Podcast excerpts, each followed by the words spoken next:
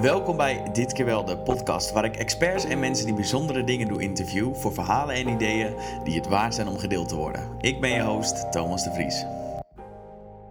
Hey team, welkom bij aflevering nummer 11 alweer. Een aflevering met uh, drie man sterk, Jeroen van der Mark en Erik Huizinga van het online uh, fitnessplatform Fit.nl. Die kwamen helemaal vanuit het hoge noorden, vanuit Groningen naar Utrecht om uh, met me te horen. En uh, ze zijn het platform Fit.nl vijf jaar geleden begonnen op een zolderkamertje.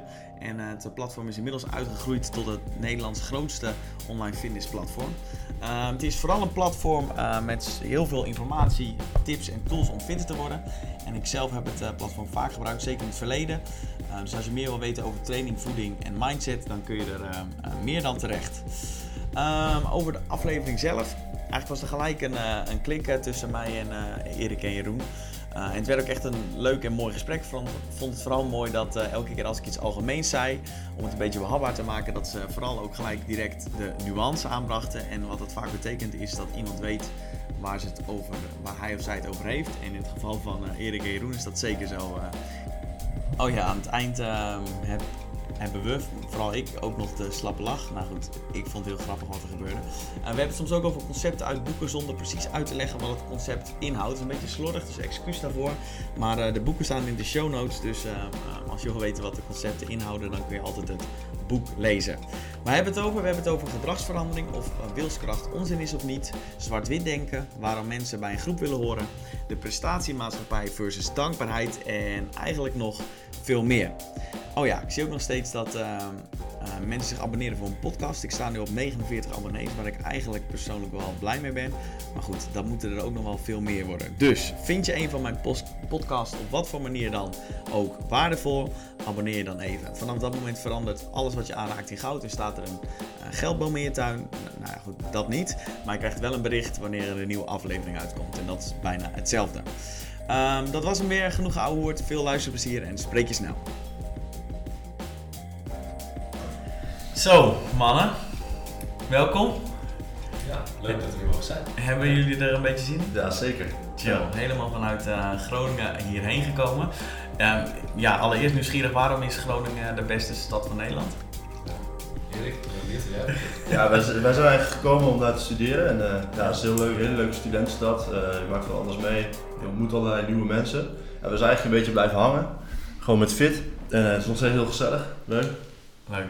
Ja, positieve stad. Uh, jonge mensen, goede energie, uh, goed netwerk, ook uh, met de Hans Hogeschool, vanuit Fintan, met organisaties daar. En heel bereikbaar. En uh, wel een van de, ja, ik denk wel een van de betere steden in Nederland, zonder andere mensen te beledigen. Ja. Ja, ja. Nee, ik, uh, ik ging er ieder jaar heen met, uh, met een stel vrienden en dan was het altijd echt één groot gekhuis. Dus het is mijn favoriete stad in ieder geval om uit te gaan en een weekendje spenderen. Maar ik ben echt een groot fan. Ja, en in Groningen zit ook fit.nl. Mm. Volgens mij is het het grootste online fitnessplatform van Nederland. die naam die dragen jullie al een tijdje geloof ik. Um, en ja, ik ben heel nieuwsgierig. Jullie uh, begeleiden natuurlijk honderden, zo niet duizenden mensen om uh, fitter te worden en zich beter te voelen. Ik ben heel nieuwsgierig naar wat zijn nou dingen die jullie uh, keer op keer tegenkomen. Ja, ja dat, is, dat is tweeledig of misschien wel drieledig.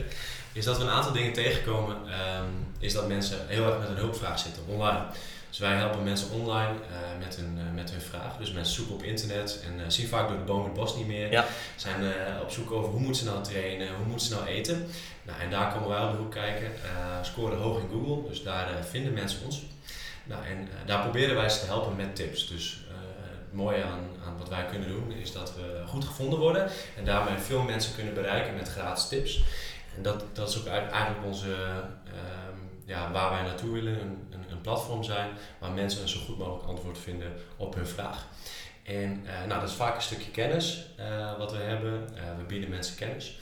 En wat we merken is dat heel veel mensen op zoek zijn naast de kennis, maar ook naar instrumentele dingen. Denk aan een voedingsschema, recepten, een fitnessschema. Nou, bij bijvoorbeeld een fitnessschema, dan heb je een mooi schema, dan kun je gelijk mee aan de slag in de sportschool. maar vaak bij het voedingsgedeelte, maar ook bij gewoonteverandering, dan is, ligt het toch vaak een stukje complexer. En dan heb je niet, hebben de meeste mensen niet voldoende aan een stukje kennis. sommige mensen die echt heel gedisciplineerd zijn, die kunnen goed uh, overweg met, met de informatie en kunnen daadwerkelijk gelijk in de praktijk Ja. toepassen. Maar waar wij wel merken is dat kennis niet alleen voldoende is. Je moet echt interactie met, eh, met die stof eh, hebben, zeg maar. En het ook in je eigen in leven weten toe te passen. En eh, dat vereist eh, vaak ook ervaring, eh, maar ook wel een stukje eh, eh, eh, gedragsverandering en juiste technieken. En dat is wat, tenminste wat we vaak zien in de praktijk. En waar mensen ook echt tegenaan lopen en waar wij echt een enorme uitdaging zien als een digitaal platform. Hoe kun je mensen zo goed mogelijk helpen om hun gedrag eh, en ook hun, hun, hun fit zijn, hun, hun, hun geluk in hun leven Ja. te veranderen ehm, op een online manier. ehm, en ook nog eens voor een betaalbare prijs. En ja, daar zijn we heel erg naar aan het zoeken. En daar ligt ook wel echt een enorme uitdaging. Ja. Ja, ja wat, eh, inderdaad wat Jeroen zegt. We komen gewoon heel veel mensen tegen die hebben en eh, ze weten niet precies wat ze moeten eten. Dus eh ze zitten heel erg van, ja, wat, wat heb ik nodig? Eh, Wat is Mhm. een gezond voedingspatroon? Dat heeft mede te maken, ook, denk ik, dat er gewoon heel veel tegenstrijdige informatie op internet te vinden is. Er zijn bijvoorbeeld mensen die zeggen, ja, je mag geen koolhydraten, je mag niet dit. Nou, daar, wij hebben gewoon wetenschappelijke literatuur in gedoken en gewoon gekeken van, ja, wat is nou een gezond voedingspatroon? En ja, die, die, die, die hebben, dat, dat zetten wij ook op, gewoon op de website neer van, eh, van wat een gezond voedingspatroon is en, Ja. en waar, waar, met de wetenschappelijke onderbouwing daarachter. En daarnaast is gewoon ook een hele belangrijke factor van, om de vraag te stellen, oké, stel iemand is afgevallen eh, en die valt weer terug, van hoe kan dat? Eh, wat ligt daar aan de grondslag en hoe kun je dat de volgende keer voorkomen? En dat heeft vaak helemaal niet te maken met dat mensen niet weten wat gezond eten is, maar dat heeft veel meer te maken met dat ze bijvoorbeeld niet goed herkennen wanneer ze terugvallen of dat ze Ja. zichzelf de grond in praten als ze bijvoorbeeld een keer te veel eten of dat ze niet weten eh, eh, hoe ze bijvoorbeeld maat kunnen blijven houden. Er zijn heel veel, veel meer aspecten die, die een rol spelen behalve alleen van wat moet ik eten, Ja. maar ook veel meer eh, psychologische factoren. Zoals eh, ja, gewoon je, je gedrag blijven monitoren, stressmanagement, eh, maar ook niet te veel eh, eh, jezelf, eh, je, ook gewoon gezond zelfbeeld. Dus bijvoorbeeld niet alleen dat, dat je eh, je, je zelfwaardering laat afhangen van de kilo's, eh, maar veel meer, eh, veel meer ook bijvoorbeeld een gezonde leefstijl. eh, dat werkt Ja. ook veel beter als je Ja. een gezonde leefstijl nastreeft. ja, dus meer alleen dan hoe het eruit ziet in de spiegel. Ja, ja. Oké, en dan kom je dus eigenlijk een laagje dieper en dan gaat het meer over psychologie, mindset, gedragsverandering, Ja. allemaal dat soort, eh, dat soort elementen. Nou, dat is Ja. toevallig waar ik een groot, het grootste deel van mijn tijd aan eh, spendeer. Ik vind dat ook echt super interessant. Wat maakt nou dat mensen hun gedrag succesvol veranderen? Ik ben er nou ja, zelf in afgestudeerd, dus ik heb daar eh, veel uren in zitten. En ja, eigenlijk als je, nou, of je nou fit wil worden of een ander gedrag wil veranderen, het begint gewoon, of als je iets wil bereiken, het begint bij een gedragsverandering. En daarom is het ook tegelijkertijd het belangrijkste, maar ook super complex, omdat dat gewoon niet 1, 2, 3 te doen is. En ik heb gisteren ehm, veel plezier gehad met het lezen van jouw eh, blogs, Erik. Dat is leuk, echt heel gaaf. En ik zal ze in de show notes zetten. Ik zal iedereen aanraden als ze iets met gedragsverandering hebben om ze te lezen, want ik heb eh, nog steeds veel geleerd, dus thanks daarvoor. Top. Ehm, en ik wil graag beginnen bij het begin op het moment dat iemand zijn of haar gedrag wil veranderen, namelijk het stellen van een doel. ja, En heb je een aantal blogs over geschreven. Ehm, en je begint met het stellen van procesdoelen versus einddoelen. Ja, ja, klopt. Ehm, nou ja, eigenlijk, er zit daar eigenlijk nog een, een stap daarvoor. Oké. Eh, als, je, als, je, als je iemand wil, wil helpen, ben ik ook altijd heel nieuwsgierig wat iemands motivatie is. En eh, je had het over diepere eh, lagen. Ja. En wat heel belangrijk is, is ook dat, dat wil je je gedrag succesvol veranderen, werkt vaak veel beter als je dat koppelt aan belangrijke waarden in je leven. Ja. Stel, eh, ik ga fitnessen eh, omdat ik het belangrijk vind om me fit te voelen. En ik voel me ook eh, fitter door het fitnessen. Dat werkt vaak veel beter dan als ik alleen maar de succes laat afhangen van de kilo's. Dus als je om iemand bijvoorbeeld zijn, eh, ehm, zijn doel weet te koppelen aan belangrijke waarden, dan eh, dat, dat zit het veel eh, meer, is, het veel, is de motivatie veel autonomer. Als wel. Ja. Want als Ja. jij heel erg, eh, je, je doel is bijvoorbeeld, ik wil er veel beter uitzien, want ik heb weinig zelfvertrouwen, omdat ik mezelf niet aantrekkelijk vind, dan, ehm, is, dan voelt iemand, de, de motivatie is veel extrinsiek in de zin van dat je, de controle zit heel erg in, oh, Ja. als ik doe het goed of ik doe het fout. En, dus ik denk dat het heel belangrijk is, ook die eerste stap is van, probeer ook, soms wil het bij mensen niet, maar probeer ook, dit, kijk van, zijn er nog meer eh, dingen, behalve je uiterlijk, waarom je bijvoorbeeld wil afvallen. Bijvoorbeeld, eh, ik wil je lang fit blijven voelen, je, Dat- Dan, heb je meer om... eh, Ja, dan, gaat het een, ja, dan is de, de motivatie ook een stuk sterker, omdat je het Vaak wel, ja. belangrijk vindt in plaats van dat je alleen maar graag een strakke, een strakke bike wilt. Dus dan is het eh In het begin werkt het vaak wel, extensieke motivatie noemen ze het ook wel. Maar, Met extensiek bedoel je maar er buiten jezelf. Eh, ja, bijvoorbeeld als jij wil afvallen omdat jij eh, eh, goedkeuring wil hebben, dan is dat heel erg buiten jezelf. Ja. Maar je hebt ook, dat is ook een vorm van extensieke motivatie, maar dat is meer, bij extensieke motivatie is eigenlijk afvallen is een middel, in plaats van dat je er heel veel plezier aan leeft. Bijvoorbeeld fitness is een middel, de wil is nog niet heel erg. Ja. Maar het werkt vaak veel beter als je het koppelt aan bepaalde waarden die belangrijk voor je zijn. Bijvoorbeeld, ik wil graag fit voelen, ik wil graag me gezond voelen. Omdat dat veel meer eh, autonoom is en het zit, zit in jezelf. Je hebt daar niet iemand anders voor nodig. Ja. En, maar dat is in het begin heel lastig om, eh, voor sommige mensen, maar dat komt vaak wel eh, later in het proces.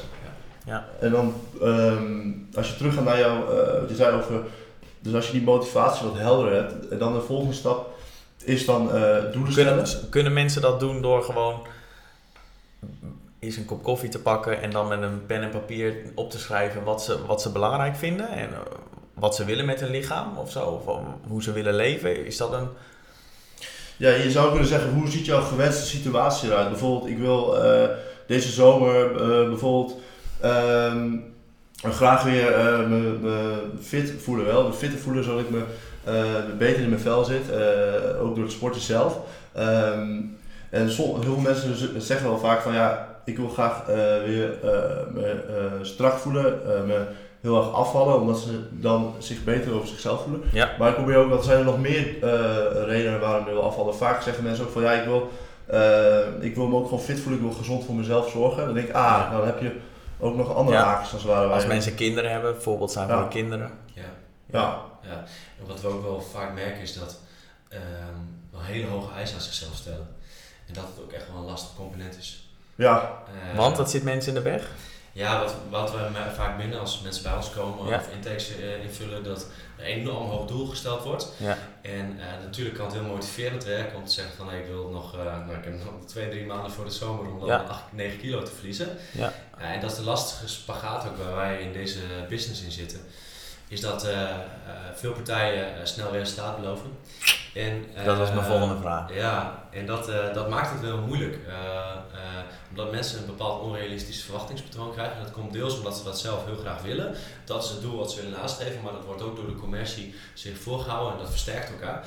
Dus we merken dat er een bepaald scheef verwachtingspatroon is bij een deel van de mensen. Eh, waarbij het soms al eigenlijk een beetje gedoemd is om eh, te mislukken. ja. Want dat te grote verwachtingspatroon maakt dat mensen niet tevreden zijn met de kleine stapjes die ze Ja. maken. En daardoor de motivatie op een gegeven moment. Ja. eh, Ja, ja. Ja, ja, dat is eigenlijk van, ja, je had het over subdoelen en procesdoelen. En dat is een mooie een koppeling. Nou ja, punt 1, het, het, inderdaad, een hele hoge verwachting, ik wil zoveel kilo afvallen. Ehm, en het tweede dat, ehm, is ook dat, dat ze zich vooral richten op de kilo's in plaats van het gedrag. Eh, Want ze zich, heel veel mensen zitten in de mindset, ik heb een bepaald streefgewicht voor over. Terwijl ik probeer meer in de mindset te krijgen, wat is je streefgedrag? Wat kan je volhouden? Wat zijn streefgedrag, sorry. Streefgedrag zijn. Ja, ja. gedrag wat bij jou past, als het ware. Ja. Dus leer, eh, bijvoorbeeld hoe kan je leren matigen met eten, hoe kan je eh, eh, de bewuste met eten omgaan, kan je je huis bewust be- eh, minder verleidelijk inrichten. Vervolgens, als gevolg van eh, het gedrag, het gezonde gedrag, ik, ik stimuleer mensen ook al om voor die gedragsdoelen zichzelf te belonen. Ja. Dus zul je vaak zien dat heel veel mensen als gevolg daarvan wel zullen afvallen. En op een gegeven moment kom je wel op een gewicht uit wat, veel, wat bij jou past, als het ware. Ja, dus niet, niet bezig zijn met die, met die x aantal kilo, maar met welke dingen je op dagelijkse, dagelijkse basis kan doen om uiteindelijk Ja. tot die 10 kilo te komen. En daarop te belonen en niet te belonen op als er weer een kilo af is. Ja. Want als er dan weer een kilo bij komt, raak je die motivatie weer kwijt. Dus alleen maar, en dat is wat, je bedoel, wat jullie bedoelen met proces versus einddoelen. Dus een einddoel is ik wil dit bereiken. En ik word alleen maar blij als ik dat bereikt heb. Procesdoel is naar de sportschool gaan en binnen je calorieën blijven bijvoorbeeld. Ja. En daarop, Ja. Ja, het, is belonen. niet, het is niet zwart-wit natuurlijk. Eh, Ik bedoel, ik bedoel... nee, ik probeer het behapbaar te Ja, nee, nee, nee, nee, je hebt gelijk hoor. Maar ik bedoel, ik bedoel meer te zeggen dat... ehm, eh, dan, natuurlijk kan je ook naar die kilo's kijken in de zin van... eh, oh, werkt het wel eh, of, of ik niet veel eet? Ja. Maar het is niet om eh, als functie om jezelf te evalueren, oh ben ik slecht of goed, als het ware. Dat, dat, sommige mensen koppelen hun eigen waarde aan die kilo's. Dat, daarom denk ik ook dat het heel belangrijk is, Dat is een hele goede de toevoeging. koppeling zelfvertrouwen, is dat je, je, je eh, zelfacceptatie is gewoon heel belangrijk. Dat Ja. je leert jezelf te accepteren Ja. zoals je, je bent. Ja. Eh, ook al bij het begin van, dat je, voordat je begint. Zeker ook als je iets nieuws begint, dan Ja. is het, ja, dan ga je foutjes maken. En als je jezelf dan, dat is een fout die ik heel veel gemaakt heb, nog steeds wel maak, dat ik mezelf echt spank als ik een fout maak aan het begin, terwijl dat niet meer dan logisch is. Ja. Ja. Wil jij nog wat eh, toevoegen? Ja, ik denk ehm, om een voorbeeld te geven, want eh, eh, nou, wij hebben zelf dan geen last van overgewicht, zeg maar. Ja. Ehm, we vallen dan ook niet- in die doelgroep, maar bijvoorbeeld ik, eh, om dan een vergelijking te maken, ik gebruik eh, mijn telefoon en ik vind het dan best wel lastig om eh, minder mijn telefoon te gebruiken.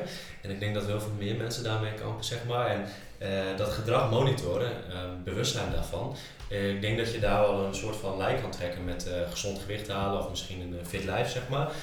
Is dat eh, je constant jezelf moet monitoren van hey, hoe vaak gebruik ik mijn telefoon? Als ik naar de wc ga, pak ik mijn telefoon erbij. En in principe zou ik bijvoorbeeld de telefoonvoorbeeld, zou ik bij mezelf eh, een, eh, een A4'tje kunnen uitprinten van hey, is het me bijvoorbeeld op dag 1 gelukt om, om maar 10 keer op mijn telefoon te kijken, bij wijze van. Ja. Als ik dat een reali- realistisch plan zet. Nou, ik zou kunnen zeggen van nee, ik wil maar één keer per dag op mijn telefoon kijken, maar dat is niet haalbaar. Nee, maar het zou tien keer haalbaar zijn bij mij. Ja, nou, ik denk dat, No way! ja, ik denk dat dat, zeg maar, dat zou voor mij wel een mooi streven zijn, zeg maar. En, en omdat dan, ik werk dan bewijs van alleen maar mijn WhatsApp bij op mijn computer. En zo probeer ik het beperkt te houden. Eh, je hebt het idee dat je altijd eh, online moet zijn. eh, maar zo probeer, kun je voor jezelf monitoren. Het is me dag 1 gelukt om bewijs van 10 of 20 keer. Ik zou ook niet zeg maar, op één, één, één, waarde zetten, maar meer een range, zeg maar. Eh, eh, dan vergroot de succesfactor ook. En dan kun je kijken van, eh, is me dat gelukt? En zo kun je er over de maand helemaal gaan monitoren. Is me dat op maandag, op dinsdag en hoe vaak heb ik een vinkje gezet? En ja, wat Erik ook aangeeft bij de mensen die we coachen, is het heel belangrijk om gedrag te monitoren, om jezelf in de gaten te houden. Ja. Op die manier kun je ook een terugval voorkomen. En kun je zien van hey, op welk moment is misgegaan, maar ook welke oorzaak lag eh, daaraan te grondslag. Van hey, kreeg ik toen drukker op mijn werk? Pakte ik daarom vaker mijn telefoontje? Ja. Ging ik Ah. daarom snoepen? En het gedrag monitoren is een van de elementen waar wij op aansturen. En, eh, Ja. ja. Want dat geeft je dus ook inzicht. Want dat is ook iets wat je in je blog zei. eh, je moet niet te snel geloven wat je denkt. Dus het Ja. zal ook gebeuren dat mensen zichzelf heel snel verhalen aanpraten van het werkt niet of eh, dat komt hierdoor, terwijl dat niet altijd nou ja, op de waarheid gebaseerd hoeft te zijn. En als je je gedrag monitort, dan kun je wat objectiever kijken naar dingen die wel en niet wer- werken. Klopt dat? Werkt dat zo goed? Ja, ja eh, zeker. Als je, ehm, je bedoelt van je moet niet alle, alles geloven wat je denkt. Ja, dat heeft ook te maken met eh, sommige mensen die bijvoorbeeld eh, die willen naar de sportschool, Ja. maar ze komen thuis eh, en ze gaan even op de bank liggen en dan achteraf gaan ze een reden geven waarom ze niet naar de sportschool gingen.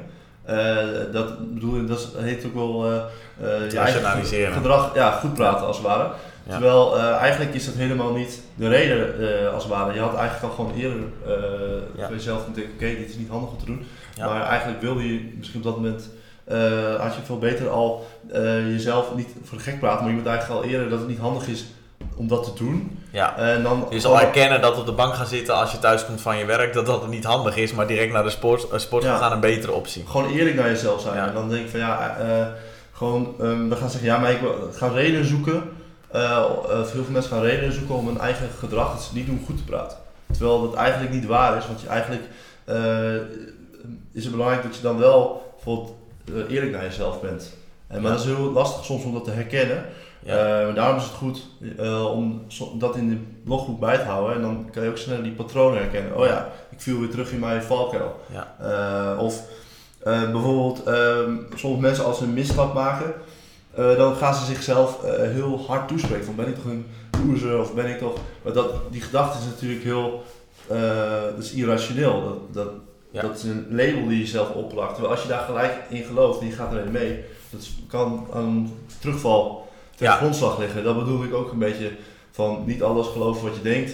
Eh, afstand nemen van je gedachten. Daar kan meditatie ook bij helpen. Maar dat is een onderwerp dat jij later nog... Gaan we zeker, Ja. gaan we zeker erover hebben. Maar mooi dat je hem op die manier linkt. eh. Ja, Dat je daarmee een stuk bewuster wordt van je eigen ja. gedachten en gedrag. Ja. Wat voor mij het grootste voordeel is van mediteren.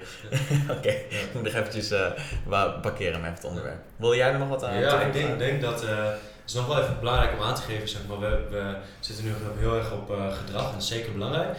Uh, dat geldt natuurlijk niet voor iedereen. Um, als ze willen afvallen of gezond gewicht. Uh, ik durf geen getallen te noemen, zeg maar. Um, laten we niet gelijk zeggen dat, dat iedereen gedragsmonitoring nodig heeft. Of uh, iedereen gedragsverhaal of op die manier er tegenaan mhm. kijken. Sommige mensen kunnen ook heel instrumenteel een schema opvolgen en zijn er ook vrij succesvol mee. Dus het is ook weer echt voor per persoon verschillend hoe je een aanpak aan moet vliegen. En dat maakt het dus ook lastig, is dat mensen online allemaal weer recepten zoeken, voedingsschema's. En dat echt een individuele aanpak en kijken van hey, wat heeft die persoon nodig, echt essentieel is. Ja, ja, ja nee, daar heb je wel een goed punt. Als je, er zijn ook mensen die, uh, die, zijn nog met, die weten niet precies van um, wat is nou een goede macroverdeling Voorstel, ik, wil, uh, ik heb nu spiermassa opgebouwd, ik wil graag uh, droog trainen. Wat is nou een goede macroverdeling? Ja, met uh, macro's voor de luisteraars bedoel je ja, vetten, koolhydraten, Ja, precies. Ja, ja, wat, zou, wat zou ik ongeveer kunnen eten? Kijk, dan zo'n voorbeeldschema, dat zou waarschijnlijk prima optie zijn als ze ook verder geen problemen hebben met dat ze terugvallen in bepaalde gewoontes. Ja. Bijvoorbeeld daarvoor, dat ze zijn afgevallen en weer terug zijn gevallen. Dus het is wel belangrijk om ook altijd te kijken van oké, okay, um, wat is de oorzaak van, sommige mensen hebben bijvoorbeeld uh, weinig problemen mee uh, met, om hun gewicht in balans te houden, maar die willen gewoon weten hoe ziet nou zo'n schema eruit, wat een beetje kennis ja. Gat, wat ja, dus de enige, dus de, jullie zeggen de ene persoon heeft gewoon een plan nodig en die gaat dat gewoon rukzichtloos uit zitten voeren en die heeft daar geen monitoring meer nodig, de ander wel. Toch denk ik wel, en daarom vind ik het algemene onderwerp van gedragsverandering ook zo inter interessant. We hebben allemaal gebieden mhm. waar we het moeilijk vinden om ons gedrag te veranderen. Dus voornamelijk de dingen die ons niet natuurlijk komen, die we niet zo leuk vinden, dat zijn de. Hè, dat heeft iedereen. En voor sommige mensen is dat sport en gezond eten, omdat ze daar moeite mee hebben. En voor ons is het, zijn het andere dingen. Um, jij noemt telefoon, toen dacht ik, ja, dat is, uh, dat is voor mij zeker ook een issue. Dat is echt zo verslavend als, uh, als, uh, als maar zijn kan. Maar ik heb bijvoorbeeld met, ik vind gedachten van me afschrijven, dat, daar heb ik heel veel aan. Want ik denk veel na en je, je, hersenen kunnen maar zoveel concepten in één keer. Soms ben ik helemaal gek van. Als ik, maar ik heb daar ook moeite mee, want je moet er wel even voor gaan zitten. Dat zijn dingen waar ik dan uh, moeite mee heb. Dus al dit soort tools kunnen daar wel gewoon, uh, kunnen daar wel gewoon goed bij helpen. Ja, ja. Het, het moet, je moet er wel tijd voor maken en tijd in investeren. Ja. ja. ja. En, en uh, het is ook wel een beetje de spagaat. Wij bieden ook wel instrumentele dingen aan. Dus het is ook, je zit ook een beetje in de wereld. Uh, we bij, wij hebben ook eigen voedingsschema's. Mensen kunnen gratis bij ons een voedingsschema downloaden. Ja, gezien. Dus in die zin doe je ook eigenlijk... Het ziet er mooi uit trouwens, serieus. Ja. Dankjewel. Maar in die zin doen we ook wel mee aan, uh, aan het geheel, want mensen vragen ernaar. Ja. Dus je zit ook in een commerciële sector waar je, uh, wel, waar je wel een bepaalde uh, manier mensen iets moet bieden. Maar volgens is de uitdaging om, om ze eigenlijk dan het persoonlijke te bieden waar ze eigenlijk naar zoeken. En ja. dat is een proces van jaren en doorontwikkelen. Ja. ja. Hoe lang bestaat, dat heb ik niet opgezocht. Ja. Slecht. Hoe lang bestaat Vita al? Ja, ik denk dat we nu ongeveer vijf jaar bezig zijn. Ja, ja, dat is echt leuk. Ja. We zijn, heten eerst Fitness Tips. En nu heet we fit.nl. Dus daar kunnen we ook een stuk breder mee. We komen uit de fitnesshoek. Dat die, uh, dat die website nog fit.nl dat die nog uh, beschikbaar was, joh. Ja, ja. Dat, uh, ja, dat is wel een investering, maar dat zegt wel iets over de ambitie waar we naartoe okay. willen. Ja, dat, we, we, onze uitdaging ligt zeg maar te kijken, we kunnen een breed segment en je kan er heel veel kanten mee op. Dus ook meer levensstijl, preventie, uh, meer de gezondheidskant op. En dan bedoel ik alleen de preventieve kant van de gezondheid, zeg maar. Dus heel veel mensen zijn op zoek op internet ook naar, uh, nou ja, hoe kom ik van uh, bepaalde ziekte af, et cetera. Nou, dan moet je gewoon naar je huisarts gaan, dus die kant willen wij absoluut niet op gaan. Nee. Maar alles wat zeg maar voor de, voor de huisarts zit, als je ja. van ik wil beter in mijn vel zitten. Nou, eigenlijk waar je podcast over gaat, hoe krijg ik beter leven? Of hoe, hoe zit ik beter in mijn vel? daar willen we een rol in betekenen, zeg maar. Daar kunnen we met FIT onder het paraplu-begrip heel veel uh, Ja, natuurlijk. Ja. ja. Fit is zoveel meer dan alleen een uh, mooi lichaam, toch? Ja. ja fit zijn. Mooi. Um, procesdoelen, streefdoelen. Ja, je hebt ook een uh, blog geschreven over tevreden zijn um, met je lichaam. En een aantal tips um, die daarbij kunnen helpen. Ja. En ja, dat is denk ik sowieso als je eenmaal begint met het veranderen van je lichaam. Die, die heb ik ook gehad, die, dat avontuur. Dan op een gegeven moment kijk alleen nog maar de dingen die nog beter kunnen. Klopt. En ik denk dat we er allemaal wel, uh, weet je, dan hebben we volgens mij wel gedaan. ja, thanks, thanks, thanks. Dat, dat weet ik ook wel, maar dan op een gegeven moment dan, inmiddels heb ik dat niet meer, maar aan het begin dan denk je van, oh, maar dit kan nog wel een beetje meer en dit, en dan is het een strijd die je nooit wint, omdat er altijd wel wat anders kan. Uh, uh, en nou ja, je, je mooie blog en um, Ja, je hebt een aantal tips die je geeft. En ik heb hier staan focus op wat je vindt. Dat is niet echt een kloppende Nederlandse zin. ik weet niet of je hem aan kan vullen. Focus op wat je goed vindt of wat je mooi vindt. Is, is dat denk ik de tip? Ja, Dus ja, ik kiezen van het juiste perspectief. Nee, ik had eigenlijk, ehm, er is een onderzoek gedaan naar eh, mensen, met, ehm, mensen met obesitas. En als zij leren dat zij eh, ook eh, die, die tips die in dat artikel stonden, maar dat geldt ook voor mensen met overgewicht. Dus je- en ik denk ook gewoon mensen zonder overgewicht. Want er zijn ook mensen eh, zonder overgewicht die gaan afvallen en heel gefocust zijn op wat ze niet mooi vinden aan hun lichaam. Maar Ja. Daar zie je ook een relatie tussen dat ze alsnog eh, daarna weer terug kunnen vallen en alsnog zwaarder kunnen worden. Dat eh, had ik laatst een, een, een interview met eh, Tatjana van Strien, die, die vertelde mij dat ook. Dat is een hoogleraar die ook onderzoek doet naar ehm eh, emotie eten onder andere. En zij vertelde mij dat, dat ook dat gewoon het lijnen, dat eh, dus heel streng afvallen omdat je ontevreden bent over je lichaam, dat dat ook weer een trigger kan zijn eh, dat, dat je daarna nog meer aankomt dan nog voordat je begon.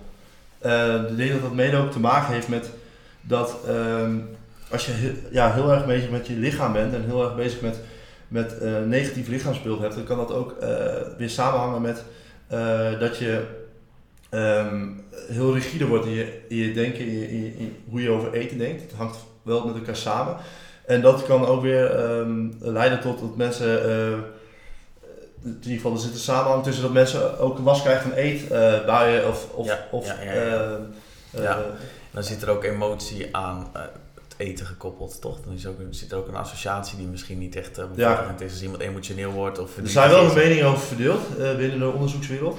Eh, dat, of dat wel bestaat. Maar ik merk wel in de praktijk, los van of het wel of niet bestaat, ik merk wel dat mensen dat heel erg aangeven. Dat er is een groep mensen die, die vertelt dat als ze emotie, zich, zich slecht voelen, dat ze dan heel vaak de neiging krijgen om eh, naar, naar eh, eh, ongezond eten te grijpen. Maar volgens mij, Ja. eh, je hebt het, als je suikers eet, dan krijg je toch ook een eh, endorfine ehm, ehm, rush door je hersenen. Dan krijg je toch ook gewoon een, ge- een geluksmakend stofje Ja. wat aangemaakt wordt. Ja, dat is, maar dat, is- over zulke dingen is nog een oorzaak-gevolg. Ja. Komt dat omdat je een associatie hebt bij suiker, dat je een positief gevoel erbij hebt? Oké, nou fair enough. Ja, fair dus, enough. dus, ja. Ja. dus daar is, tenminste vaak radstudies, et cetera. En ja, de vraag is of, dat, eh, of daar oorzaak-gevolgrelatie is. En, ehm, en je hebt ook gewoon suikers nodig, dus laten we daar Ja. eerlijk eh, over zijn. Ja. Dus vermijd suikers vooral niet, alleen pas het toe binnen een gezond voedingspatroon. Ja. Het kan een onderdeel zijn van een gezond voedingspatroon, mis niet te veel. Maar wat ik denk wel belangrijk is van een emotie eten, is dat niet alleen dat mensen meer gaan eten, maar er zijn ook aan de andere, kant van het spectrum zijn er ook mensen die minder gaan eten. Dus iedereen heeft een andere, reageert anders op een bepaald soort stressprikkel. En dat is, is wel interessant. En, Ja. eh, ehm, dus daar, daar Heeft dit te maken met het preventiemodel? Wat, eh. De stressprikkel reageert op een Wat, stressprikkel, wat klopt dat? precies met het preventiemodel? Eh, nou, dit is uit jouw blog, eh, Erik. Prevention Model. Ja, ik heb gisteren heb ik hem nog uit zitten, ehm, ehm, uitgeprint en door zitten lezen. Als je een high-risk situ- Oh, ja, ja, hebt, een high-stress Ja, ja, ja, ja, situation, ja, denk ik. ja. Dan heb je verschillende soorten... Coping, eh, ja, hoe ga je met de situatie om? Toch? Ja. En dat is toch in lijn met wat jij zei? Dat mensen Ja. anders reageren Ja, op een bepaalde stressreactie. Ja, ja. En in het model staat op het moment dat je een high-risk situation ehm, ehm, te maken krijgt met een high-risk situation, dus hoge stress of wat dan ook, dan kun je een, heb je een confrontatiereactie en een niet-confrontatiereactie. Ehm, zou je dat iets specifieker kunnen maken? Ja, nou ja, een moeilijke situatie, dat is natuurlijk per persoon verschillend, maar eh, eh, een hoog risico, eh, eh, risicosituatie is bijvoorbeeld, als je een alcoholist hebt, eh neem bijvoorbeeld een alcoholist, dat is, dat is een hoog risicosituatie, bijvoorbeeld een feestje met, waar mensen allemaal drinken. Ja. Ehm, Dat, is, dat zou je kunnen kenmerken als ja. Voor een alcoholist is dat misschien niet helemaal. ja, en voor iemand eh, die bijvoorbeeld eh, last heeft van eh, emotie eten, dan kan een hoog risico situatie zijn dat je bijvoorbeeld eh, verdrietig voelt. Eh, Ja. En op dat moment eh, zijn er- Sociale druk stond er geloof ik ook in, klopt dat? Ja, het zijn of allerlei. een relatie uitgaat. Ja, bijvoorbeeld, of dat je sommige in een boek van ehm ehm, het heet Mindful afvallen, er stond ook een voorbeeld dat bijvoorbeeld een ehm, ruzie met je vriend wel, of, of ruzie met je vriendin, eh, dat dat ook een hoog risico situatie kan zijn. Omdat eh, sommige eh, eh, mensen die last hebben van emotie eten, eh, die zijn dan geneigd om eh, dat vervelende gevoel te gaan wegeten.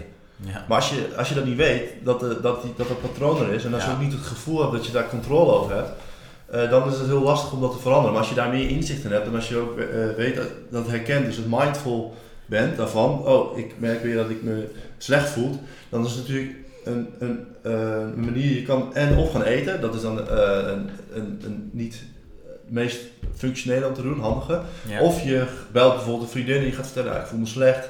Eh, Ja. Of je gaat een stukje Maar dan, wandelen. dan begint het bij het bewust worden Ja. van die situatie en dat het feit dat je verdrietig bent als oors- oorzaak is van het feit dat je gaat eten. Ja. En dat herkennen, dat is stap 1. En dat is denk ik met heel- bijna alles zo, dat je het eerst moet herkennen en eerst bewust van moet worden om vervolgens dat gedrag aan te kunnen passen. Ja, nou, ja, oorzaak is misschien eh, dat is een heel eh, sterk verband, maar het is wel een, een ontremmende eh, situatie. Ja. er, moet- er zijn natuurlijk ook andere dingen Mooi die nuance. Ja. Ja, goed, Maar- heel goed hoor. Ja, Je- vooral, maar je hebt eh, wel een punt. Voor, de- de- daar is het kritiekpunt eh, van eh, sommige andere onderzoekers. Van, Ja. ja, er zijn heel veel andere eh, prikkels die ook een rol spelen. Mhm. En eh, dat, dat klopt wel, maar heel veel mensen hebben toch als wel, die geven aan dat ze er last van hebben. Dus als je daar eh, praktische tools uh, kan aanreiken en het ja. helpt. Zo ben ik ook een pragmatischer dan. Soms is het Ingesteld. niet helemaal te begrijpen. Ja. Als, als, het, als het werkt op een bepaalde Exact. manier. Ja. Ja, is dat is Ja. toch altijd een dingetje. Als, het, als je denkt dat het werkt, dan werkt Ja. het toch ook? Ja. Ja. Ja, goed. Het moet, moet wel eh, op lange termijn ook werken, zeg maar. Dus Ja. er moet- wel een bepaalde vorm van, eh, van logica achter zitten. Ja, Ja. da- daarnaast heb je ook nog zoiets als wilskracht. Dat is namelijk gewoon een spier die, die, die kan op, zeg maar, je wilskracht. En als je de hele dag beslissing hebt genomen en eh, hard hebt gewerkt, je gaat daarna met honger, ga je de supermarkt in. Nou ja, succes om dan niet iets ongezonds eh, te gaan Ja. kopen. Ik heb onderzoek gedaan naar eh, rechters die... ehm, Tijd om even een slokje water te drinken, man. Wat mooi. Die, ehm, die doen ze 's middags doen ze meer uitspraken dan 's ochtends omdat ze dan gewoon ehm, de hele dag beslissingen hebben genomen. En dan kunnen ze, en dan hebben ze niet meer, zijn ze niet meer in staat om ehm, ehm, alles helemaal rationeel te brengen. En doen ze dus meer uitspraken omdat ze gewoon al hard gewerkt hebben. Dus Mm. je hebt ook nog iets als wilskracht. Als je s'avonds gewoon moe bent, ja, dan is het gewoon ook moeilijker om dingen te laten staan. Of nog Ja. te gaan sporten, zeg maar. Ja, Dus dat- doen ze meer uitspraken of, of doen ze, hoe bedoel je dat? ja, ik, ik heb niet helemaal scherp. Volgens mij ehm ehm, ik, ik heb eens een x aantal cases. Dus Ja, er komen ja. mensen naar de, naar de, naar de Ja. rechter en Ja, dan moeten ze uitspraken doen. En dan delen ze meer straffen uit. Oké. Ja, dus zijn ze sneller in een oordeel van, zie je, 's ochtends is het geloof ik 3,2 eh, van 9 Ja. tot 12 en van Ja. 2 tot 5 zijn het geloof ik eh, 8, I don't know, ik weet het Maar precieze cijfers komt het niet. niet omdat die mensen die zeg maar, eh, eh, die eigenlijk echte, echte daders zijn, dat die s- ochtends eh, beter liever geen uitspraak, afs- afspraak hebben en dat die liever uitslapen? Zo, dat zou kunnen. Nou ja, een klein geintje tussendoor. Maar Correlatie is geen causatie. Ze noemen dat ego-depletie, eh, op een moeilijke term. Dus wil, Ja. wilskrachtsuitputting. Ja. Ja. dat, dat begrip ligt eh, de laatste tijd wel heel erg onder Ja, dat klopt, Het is ja. de vraag of dat Ja, wel, dat klopt. ja, ver, eh, ehm, dat klopt. ja, maar dan zit je weer in dat gebied dat heel ja, erg het het is, het zit is wel- te lastig om Ja. de hele psychologie echt vatbaar te maken. Ja, en Ja. ik vraag ook me af of wij daar, te, of, althans ik, de- heel veel uitspraken over Ja, kan en mag ja. doen. En Deze industrie, zeg maar, als we het over psychologie hebben en, en, en werkende factoren, is het heel moeilijk om dat echt evidence-based te maken. ja, ja. Eh, omdat het vaak niet heel, heel goed vatbare concepten zijn, maar vaak is het zoeken naar het, het best werkbare. ja, en dat is wat jij ook zegt, als het werkt gewoon ja. voor mensen en je op de lange termijn dan. Ja, Maar het is wel interessant. ja, Zeker, ja, Toch? super interessant. Ja. Maar ja, eh, wat, je, wat je zegt eh, over dat uh, wilskrachtsuitputting, eh, dat, ja, dat is wel, ehm, je ziet als mensen ehm, intrinsiek gemotiveerd zijn, dus ze hebben echt plezier aan een taak, dat dat veel minder plaatsvindt. Dus het, is, het ligt wel iets gecom- gecompliceerder dan eh, waarschijnlijk dan, dan men. eh, Ja, dan- ja. ja. Er zit veel kritiek ook op, Ja. ook op dat begrip en hoe, hoe, hoe dat dan precies werkt. Ik zit niet heel erg in de literatuur, dus ik ga daar niet veel Nee. over zeggen. Maar er zijn wel, eh, eh, ja, er zijn wel. ja. En op zich is dat wel logisch. Als je het gewoon leuk vindt om iets te doen, dan is het ook veel makkelijker om jezelf daar te Ja. Omdat je gewoon de handeling leuk vindt, toch? Dus ja, dat is, wel, dat is op zich wel logisch. Te... Ja, en, en een andere, eh, wat ik laatst in het boek las, is, nou, ik begon, weet je, ingewikkeld met, eh, over autonome, eh, maar als de motivatie meer autonoom is, dus meer vanuit binnen eh, gekoppeld is aan wat je belangrijk vindt in het leven, dan schijnt die wilskrachtsuitpunting ook minder plaats te vinden. Dus als mensen God gaan fitnessen omdat ze het heel belangrijk vinden, als ze zich fit voelen, Ja. eh, dan vindt het ook eh, minder plaats. In de zin van, eh, ik heb er echt geen zin meer in, ik hou het niet meer vol en het vindt minder plaats. Eh, Ja. dat is een, eh, Klinkt, klinkt logisch. ja, Klinkt te begrijpen. Ja. ja. Oké. Ja, en ehm, jij had het nog over die, eh, eh, dat herkennen van een hoog risicosituatie. Ja, ja. Waarbij dat emotie eten, dat, voor emotie eten is het vaak ook nog wel moeilijk om dan te herkennen wat je precies voelt. En dan, daar kan een dagboek bijhouden van een dagboek ook als een praktische tool ook eh, handig bij zijn. Dat je er ook leert van oké, wat, wat, wanneer voel ik wat. Maar dat is voor sommige mensen ook nog wel ingewikkeld of moeilijk. En ze vinden het Ja, nee, als, lastig om ik, dat ik zat ook te denken, toe te hoe, hoe laten. zou je dat kunnen doen? Aan het eind van de dag dan nadenken over situaties waarin je... Nou, dat is wat mindfulness eh, is daar weer, speelt daar weer een rol in. Eh, maar dit onderwerp, ehm, ja, dat gaat, gaat diep en het is ook, het is, eh, ehm, het is, het is, inge- het is ook best wel ingewikkeld om, Ja. eh, om daar even veel over te vertellen. En zoveel weet ik er ook niet vanaf, maar ehm, er schijnt wel ook dat voor sommige mensen die dan een verstoorde relatie hebben met voeding, dat dat ook echt een emotioneel component en dat ze, dat ze daar ook eerst aan moeten werken. Dus dat toelaten van je emoties, dat, dat, dat durven, sommige mensen durven dat niet goed, dat Ja. ze dat altijd hebben weggestopt. Ja. Dus het hele gaat afvallen ligt niet zo Nee. eh, simpel als heel veel mensen denken. Het is gewoon de energiebalans. Maar sommige mensen spelen ook dat Ja. soort Ja, ja, eh, ja, ja. factoren een rol. goed om te noemen eigenlijk. Dat, dat gestuurd wordt op, bij heel veel personal trainers en diëtisten, wordt vaak ook gestuurd op een schema, op een energiebalans zeg maar. Maar je ziet nu al, we praten al echt wel een tijdje over, eh, over gedrag zeg maar. Ja. Ja, Dat is zo essentieel. Ja. Dus dat, eh, Maar dat is, dat wel echt een raak punt. Dat je zegt van ja, als iemand een verstoorde relatie heeft met voeding en emoties niet, dan, dat is, ja, dan is bijna voer voor, een- voor een specialist, zeg maar. Om daarmee Ja. eerst eh, aan de gang te gaan voordat je da- daar überhaupt over energiebalansen kan praten en, en ja, gedragsverandering. Ja. eh. dan moet je nagaan dat dan iemand zeg maar, bij je komt eh, of ergens een schemaatje krijgt zeg maar. En eigenlijk denkt van ja, nu is het me alweer niet gelukt. Maar dat kan echt wel je zelfvertrouwen schaden. ja. En ehm, wij merken ook vaak dat sommige mensen, die kunnen wij gewoon niet helpen. En die moet je dan echt naar echt een dieetpsycholoog doorverwijzen. Ja. En dat is essentieel, dan stel je de klant, klant centraal. ja, En dan, het is niet om je eigen omzet of om je eigen klantwaardering. Eh, doe niet iets wat je gewoon, eh, waar je niet eh, voor opgeleid bent of wat je niet kunt, zeg maar. Dus dat is heel belangrijk, ook binnen ons vak, zeg maar, of eh, binnen het vakgebied waar we werken, is dat mensen, eh, ehm, ja, om mensen ook door te willen verwijzen, zeg maar.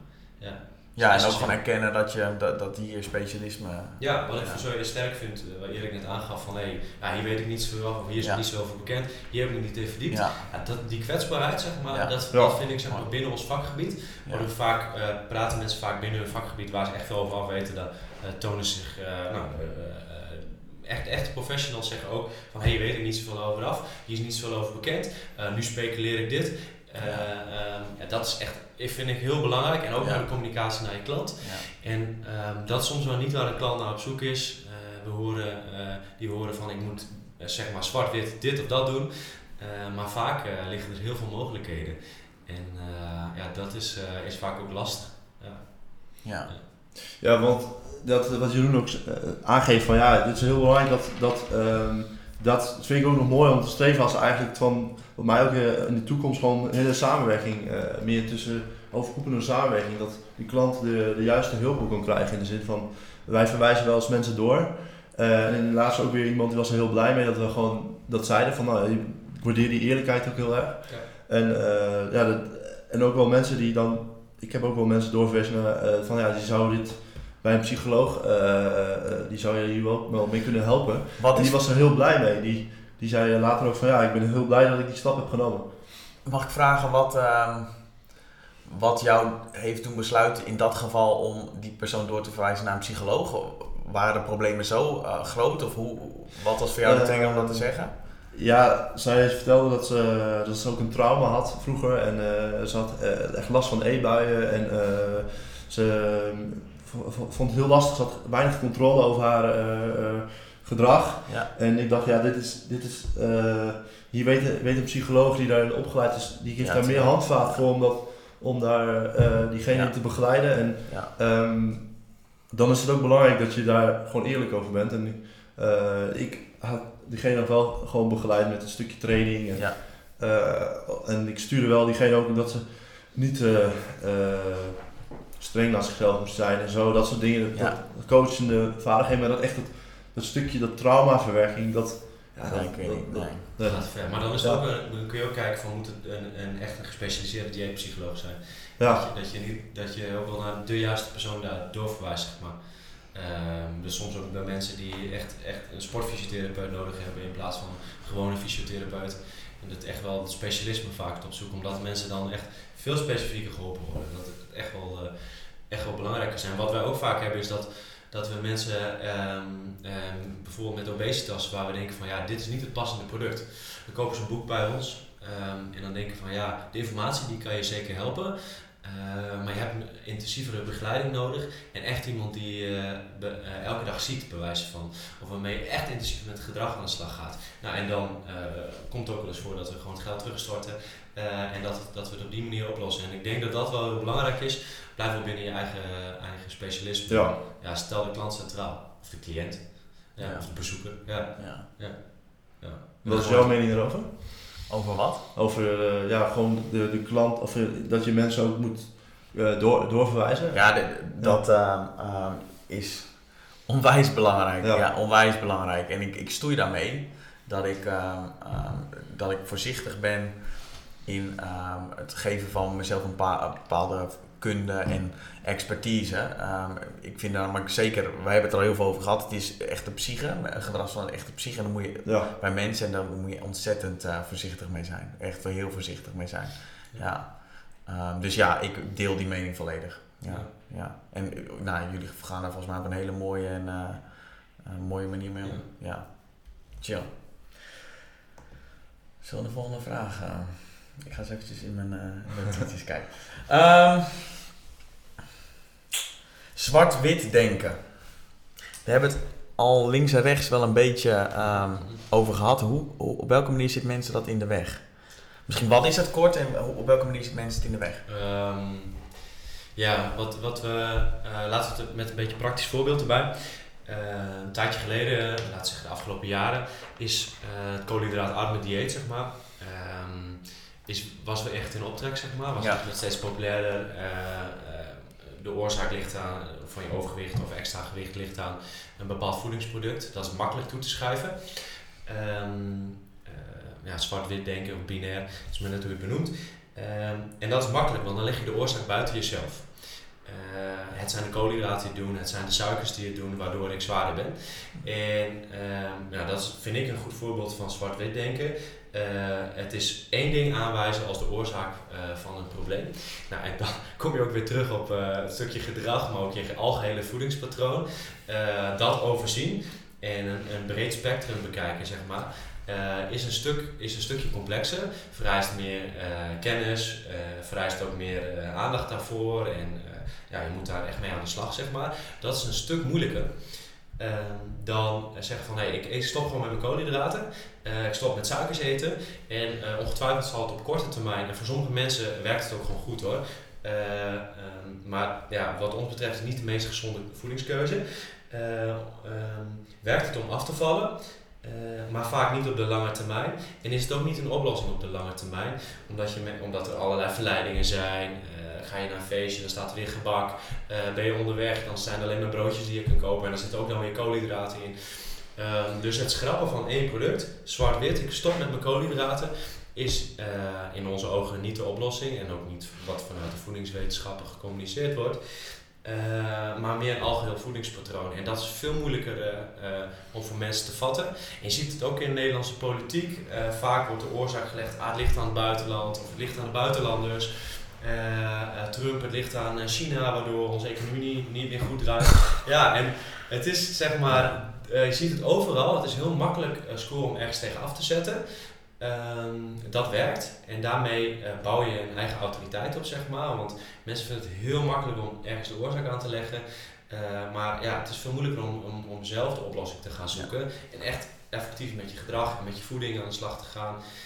Oké, dus zo heb ik er nog nooit naar gekeken. Dus je zegt op het moment dat je binair denkt, dus je geeft één voedingspatroon de schuld of je geeft Trump de Ja. schuld, ja, dan leg je de, dan leg je de verantwoordelijkheid buiten jezelf. ja zo, dus tenminste zoals ik en zoals ik Ah, dus zo kijk. heb ik er nog, zo heb ik er nog nooit naar gekeken. Dat is wel interessant. Ik dacht altijd, zwart-wit denken zorgt, is een slecht recept voor succes. Want dan is het alles of niets. Je Ja. moet of alleen maar gezond eten, of helemaal niet gezond. En je kunt niet altijd gezond eten. Dus als je dat wil, als dat je doel is, ja, dan, dat is een recept voor een, geen succes. Ja. Maar dan ga je sowieso falen. Maar ik vind dit wel een, ook wel een hele mooie manier om ernaar te kijken. Maar zwart-wit denken kan natuurlijk ook ten opzichte van eh, ik doe het goed of ik doe het fout. Ja, exact. Ja. Ja. dus, ja, en ook dan, je kunt het niet altijd goed doen. Dus als je alleen maar van jezelf verlangt dat je het goed doet, ja, op een gegeven moment ga je het een keer. En dan, Om, dan denk je, kut, ik heb gefaald. En dan denk je, nou oké, dan maakt het helemaal niks meer uit. What the hell effect. En dan ben je Ja. zo terug bij af. Precies. Dat is ook van, eh, ik wil niet helemaal het model in, maar je hebt dus dat, wat jij dat relapse prevention Ik model. zal hem in de, eh, Ja. kunnen downloaden. Zo daar show het ook over dat mensen, mensen zwart-wit denken, maar het is meer een proces. En als je al die stapjes eerder in het proces leert te herkennen, kan je op, meer op tijd ingrijpen, waardoor je een terugval kunt voorkomen. Eh, maar ja, dat is niet, dat, dat vergt wel eh, training. Want ja, om iets te leren, een skill te leren, dat is altijd. Ja. dit- Ja. Ja, maar dat is wat wij ook merken van als we bij een festival staan of zo, een biertje drinken. En eh, ja, mensen staan er soms, als ik patat eet of zo, dan krijg ik van, ja, eet jij patat of zo? Dan denk je dat ik, ik als een of andere eh, heilige eet, zeg maar. Ja. En eh, juist die balans is essentieel, zeg maar. Dus ik denk dat jij goed aanbrengt. Dus zwart-wit denken kun je dus op heel veel manieren kun je, dat, kun je, dat, kun je daar een invulling aan geven. ja, Ja. Maar ik vind eh, de manier hoe jij het net uitlegde, vind ik onwijs interessant. Dat je dus, de, dat je dus buiten jezelf legt op het moment dat je één iets... Ja, het ligt aan de koolhydraten, of het ligt aan Trump, of het ligt... Ja, nice. Het is Ja. makkelijk, want mensen, daarmee hoeven mensen niet naar zichzelf te kijken. Ja, het zijn de suikers. Het is niet het feit dat ik iedere week of iedere dag ervoor kies om slechte shit te eten en die naar de sportschool te gaan. Ja. Hm. Ja. Maar het wil nog niet zeggen dat voor sommige mensen werkt het dus wel heel goed. Die dus bewijzen van eh, wel op die manier zwart-wit denken en misschien daar wel heel veel succes mee hebben. ja. Maar is dat, is dat door het zwart-wit denken of is dat gewoon omdat ze Ja, gedisciplineerd zijn en als ze... Ja, dus dan, dus heel goed met zoiets rigides omgaan. ja. Ja, en als ze dat dan bewijs van koolhydraten schrappen, maar op een andere manier daar vorm aan geven en eh, eh, dat op een juiste manier doen, werkt dat. Maar voor het overgrote deel is dat niet een heel gezond denkpatroon. Nee. Ja, ja, je kan natuurlijk, ook als je dan eh koolhydraatarm gaat eten en je zit in een hele groep eh, je hebt, eh, die dat ook doen en je, je versterkt elkaar, dan heb je ook een soort van community gevoel. Je voelt je sterk daarin en eh, je, ja, dat, dat, ja, inderdaad, dat zou, dat zou voor sommige mensen kunnen werken, maar ik denk voor de meeste Ja. mensen niet. En het is ook En- vaak ongezond omdat je gewoon bepaalde voedingsstoffen Ja. mist. En dat vind ik ook een, een heel groot nadeel van de hele voedingsindustrie. Is dat je, je hebt een aantal kampen ehm, en die claimen allemaal een monopolie op de waarheid. En daar heb ik sowieso echt een hekel aan. Dat men, en dan worden ze ook, ik probeer nu een beetje veganistisch te eten, omdat ik wel geloof dat dat ehm, niet helemaal, ik eet nog gewoon vlees, maar ik probeer ermee te experimenteren, zeg maar. Om niet zwart-wit te denken. Maar de- ik heb een hele tijd heb ik een onwijs negatief beeld gehad van vegans, zeg maar. Omdat of er zitten heel veel van die zure, zure pruimen in. Ja. En die dan alle, alles en de rest van de wereld, als je vlees eet, dan, ben je, eh, dan ga je naar de hel toe. Ja, dat kan naast elkaar staan, bestaan gewoon. En nou ja. Me- dat- Merk je al dat jij, zeg maar, doordat je daarmee een beetje mee bezig bent, dat je zelf ook wat zuurder wordt? Ah, nee, ik, merk het aan mij? Nee, ik, ik, het is niet... De, maar waar ik echt zuur van word, en daar heb je gelijk in, is dat iedereen ehm, niet met elkaar in gesprek gaat en, een monopolie, monopolie op de waarheid claimt. Daar word ik, daar word ik Ja. echt zuur van. Daar Ja. heb je gelijk in, Jeroen. Dat kan naast elkaar. Ja. Doe gewoon je ding en... Dan Maar mag waarom je, is dat denk je zo? Waarom, heb je dat, waarom zijn er zoveel mensen dan die dat dan hebben? Dat monopolie op de waarheid en daar zo niet doorschieten? ja, Dat, dat vraagt me wel eens af. ik, ik dat? ook. Ik, ik vind dat ook heel... Ik heb ook, dat heb je ook in de Misschien- godsdiensten. Misschien En dat het minder, eh, misschien omdat, eh, ik las een keer iets van dat steeds meer mensen eh, zijn niet meer religieus en zoeken naar hun voeding. Ja. Die houden vast in hun leven. Dat ze dan een soort van, maar dit Oh, gaat natuurlijk wel weer diep, Ja. maar dan, ja. Maar, maar Ja. je merkt Interessant. zelfs, mensen willen heel graag bij een groep horen of Ja. ergens bij horen, want dat vinden ze fijn om binnen bepaalde normen en Ja. waarden te zitten. Ja. Maar ik merk zelfs bij de, binnen de evidence-based eh, nou ja, eh, voedings- en, en fitnesswereld, zeg maar, is het, wordt er op een gegeven moment een patroon ontwikkeld van ja, alleen dat is juist, zeg maar. Maar er zijn natuurlijk ook heel veel dingen buiten de evidence-based wereld die nog niet getoetst zijn en mogelijk waar kunnen zijn. Dus wat eh, heel veel eh, gurus of, of mensen zeggen, Ja. kan ook heel voorspellend zijn en buiten de hu- huidige wereld van evidence-based. Dus ik vind het soms altijd wel moedig en ook wel mooi als mensen die durven te speculeren Ja, buiten wat bekend het is, ja. zolang maar eh, wel logisch klinkt, zeg maar. Ja. En, en waarbij je wel zegt van ik speculeer dit of dat. ja. En eh, ja, blijf ook niet altijd binnen je eigen wereldje, zeg maar. Maar ik vind het heel mooi dat je juist eh, binnen de vegan wereld je, je, gaat, eh, je gaat oriënteren. En eh, ik denk dat het je, je eigen wijze en ook hoe je mensen coacht versterkt. Ja, Ja. er wordt, ik heb wel eens een uitspraak gehoord dat. ehm, onderzoekers, zeker in de voedingsindustrie, ehm 50% weten we nog niet. We weten alleen niet welke 50%, zeg maar. Dus, dus ook, we hebben eigenlijk, weet je, ook als het gaat om de psyche van de mens, maar ook om je lichaam, zoveel dingen die we nog niet, eh, Ja. nog niet weten. Maar misschien als we die 50% eh weer weten, dat we er al achter komen dat het 80% niet weten. Ja, dat is ook Ja, maar, Ja, dat klopt. Ja, dat kan ook. Dus Dat, klopt ook eh, nog. Ja, maar hoeveel kunnen wij waarnemen als Ja. mensen? Misschien zit er nog wel op bewustzijnsniveau. eh Ja. Brengt ons bij het volgende onderwerp. Ja, Mediteren. leuk. Ja, dat vind ik ook, ja. Ja. Doen jullie het? Ehm, ja, ik pas het wel eens toe tijdens het hardlopen. En een paar momentjes op een dag. Maar niet dat ik het 10 minuten of 20 minuten per dag doe. Soms eh, dan loop ik even naar de keuken en dan let ik op me, hoe ik even mijn lichaam, hoe mijn lichaam voelt. Of als ik even achter het bureau zit. Ja. Dat het toch kantoorwerk zit, er veel achter het kantoor. Je bent heel veel in je hoofd bezig. En ik vind het wel fijn dat ik ook even, oh ja, ik, voel- ik voel nu hoe binnen de, de stoel aanraken, mijn rug mijn stoel. Ik voel mijn ademhaling. Goed ademhalen, maar goed diep ademhalen. Dat vind ik wel fijn. En eh, even die gedachten gewoon maar laten gaan. Ja. Ja, op die manier pas ik het wel toe. En tijdens hardlopen vind ik het ook wel fijn om het, om het toe te passen. Want De runner's high. Ja, dat je even helemaal je... Ja. Ja, dat vind ik wel... Heerlijk man. Ja. Oké, nice. En dat is wat grappiger dat mensen denken dat mediteren is in kleermaker zit 15 minuten op de bank zitten. Maar eigenlijk wat je nu doet is ook gewoon ehm, mindful dingen doen. Dus Mhm. bezig zijn met de handeling, namelijk gaan zitten en even je lichaam voelen in plaats van maar gewoon constant eh, dingen doen en daar Ja. gewoon constant in gedachten zijn. Maar gewoon bewust bezig zijn met je taak of met degene waar je mee bent. Of je nou op je ademhaling let of op een stoel gaat zitten. Ja. En niet die gedachten constant laten gaan. Mhm. Doe jij het? Ja. Ja, ik zit er met eh, aandacht te luisteren hoe, hoe, jij, hoe jij de invulling aan geeft. Want ik kijk even of ik zeg maar een aanknopingspunt kan vinden hoe ik dat zelf doe. En eh, ik heb zelf nog nooit echt actief daarna gezocht. Ehm, omdat ik niet echt de behoefte heb, eh, merk ik. Ehm, eh, misschien ja, leef ik mindful of ben ik wel aandachtig bezig met wat ik aan het doen ben. Beetje Groningse nuchterheid. Ja, misschien wel. En eh, ik merk dat het eh, toch een bepaalde ja, afstand heb met het begrip of zo. En, ja, misschien komt dat omdat het, omdat het een zweverig imago heeft? Leeft dat bij jou nog wel? Ja, misschien ook een soort van behoefte of zo. Dat ik niet echt behoefte heb om, om dat eh, te doen. En eh, ik, om heel eerlijk te zijn zou ik het mooi vinden om leven zo vorm te geven dat ehm, dat gewoon een onderdeel is van mijn dag. En zoals Erik beschrijft, eh, werkt dat zeg maar. Het geeft jou, eh, geeft jou een fijn gevoel. En misschien doe ik dat al op bepaalde Ja. manieren. Ja. Nou, ik heb er nooit zo bij stilgestaan. Dus ik ben eigenlijk meer benieuwd hoe jij het doet. Ja. Kun je kijken, hey, Ja, ik doe, het, ehm, ik doe het iedere dag. Het is mijn enige non-negotiable. Dus elke dag. Ja, als ik heel brak ben, dan wil ik het nog wel eens overslaan. want dan kan ik niks Ja. meer. Maar eigenlijk elke dag. En wat is het voor mij? Het heeft me in staat gesteld om me bewust te worden van mijn emotie en niet van mijn, mijn emotie te reageren. En ik heb ooit een boek gelezen, Daniel Kahneman, Think en uh, nee, Ja, ik weet het. Ik, heb Thinking Fast and Slow heet hij. En die man heeft de Nobelprijs gewonnen. En die zegt dat je, je hebt level 1 en level 2 thinking. En, ehm, ehm, en ook acting, zeg maar. En level 1 is op het moment dat je een emotie op voelt komen, dan kun je vanuit die emotie kun je handelen. En level 2 is dat je daar eerst eens even over nadenkt. Dus je emotie erkent. En dan volgens kijkt, oké, gezien de emotie, of als de emotie weg zou zijn, zou ik dan nog steeds zo handelen of zou ik iets anders kunnen? En dat is wat het mij geeft. Dus normaal, ik ben een redelijk emotioneel mannetje, zeg maar. eh, Als mijn oor recht. En vroeger reageerde ik altijd vanuit die emotie. En dat levert me eigenlijk nooit op wat ik wilde dat het me oplevert. Het zat me gewoon in de weg. En nu ik mediteer, voel ik nog steeds die emotie opkomen. Maar ben ik in staat om te kunnen observeren en te kunnen bepalen voor mezelf... Hey, ehm, kan ik ook anders reageren? Of zou ik de emotie misschien even kunnen laten zakken en dan een andere oplossing kiezen? En dat lukt me nog steeds niet altijd. Ja.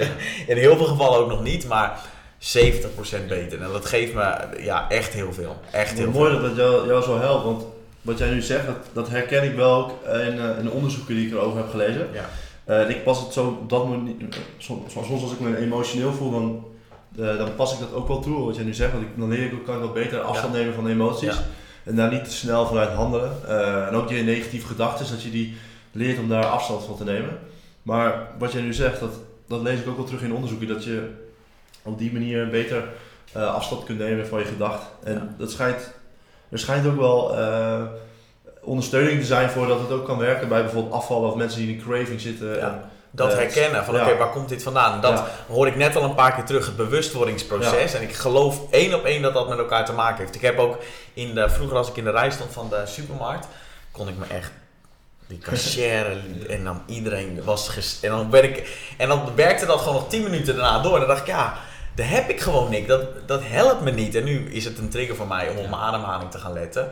En op een gegeven naar een moment andere supermarkt gegaan? Nee, had ook een oplossing geweest, maar dat is een. Ja, dat, nou ja, dat is niet. eh, dat is.